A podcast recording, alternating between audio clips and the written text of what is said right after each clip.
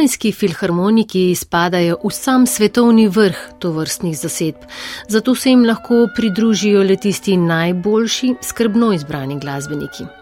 Iz naše male dežele sta trnovo pot do tja prehodila kontrabasist Istok Hrastniki Stopc nad Laškim ter violinistka Petra Kovačič iz Tolmina.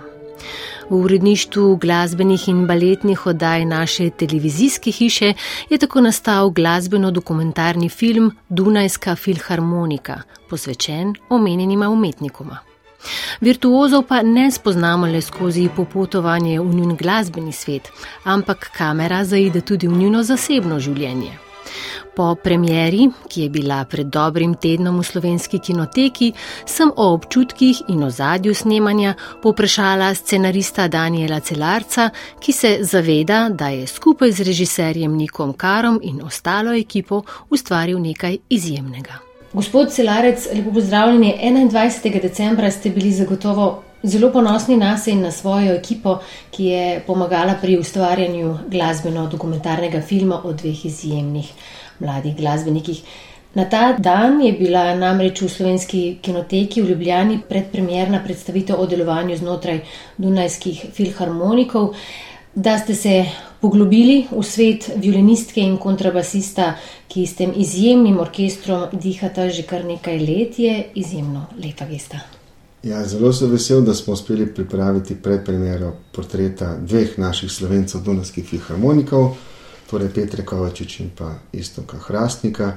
Gre za nadaljevanje cikla Slovenci v tujih filharmonijah, ki predstavlja naše najboljše glasbenike, ki delujejo v svetovnih orkestrih. Ta cikl smo začeli leta 2019, ko smo v Berlinu posneli portret takrat še edinega berlinskega filharmonika Andreja Žusta. Zelo smo veseli, da v dveh letih, treh, sta še dva slovenca postala berlinska filharmonika, ampak ne nadaljujem. V letošnjem letu smo uspeli posneti portret dveh Dunajskih filharmonikov, Petra Kovačič in Istoka Hrastnika na Dunaju.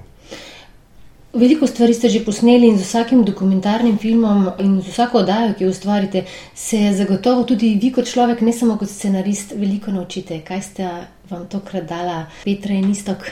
Ob snemanju tega portreta sem se zagotovo veliko naučil. Najprej, ko sem začel preučevati urnike, kdaj lahko sploh posnamemo njih, njihov pogovor, ugotovil, da ima ta seveda strašno naporen in zelo uh, zaseden urnik.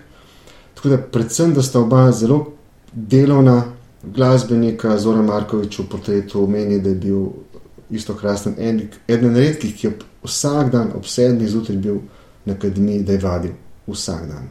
Tako da to, da sta ona dva tam, enako velja za Petra Kovačič, rezultat ene zelo, zelo velike discipline, ciljne usmerjenosti in pa en kanček tudi sreče, kot v filmu pove predsednik uprave Tunajskih filharmonikov Daniel Frošauer, pravi, da kljub temu pa potrebuješ ne, nekaj malega sreče. Ampak sreča je neka mala komponenta, ker kot vemo na audicijo moraš biti povabljen, ne moreš iti kar sam, tako da veliko različnih naključij te privede do tega, da potem opraviš audicijo. In oba, kot boste tudi lahko slišali v dokumentarnem filmu, sta bila zelo, zelo vesela, ko sta opravila, ker se je njuna v bistvu, življenjska pot z dnevom audicije spremenila.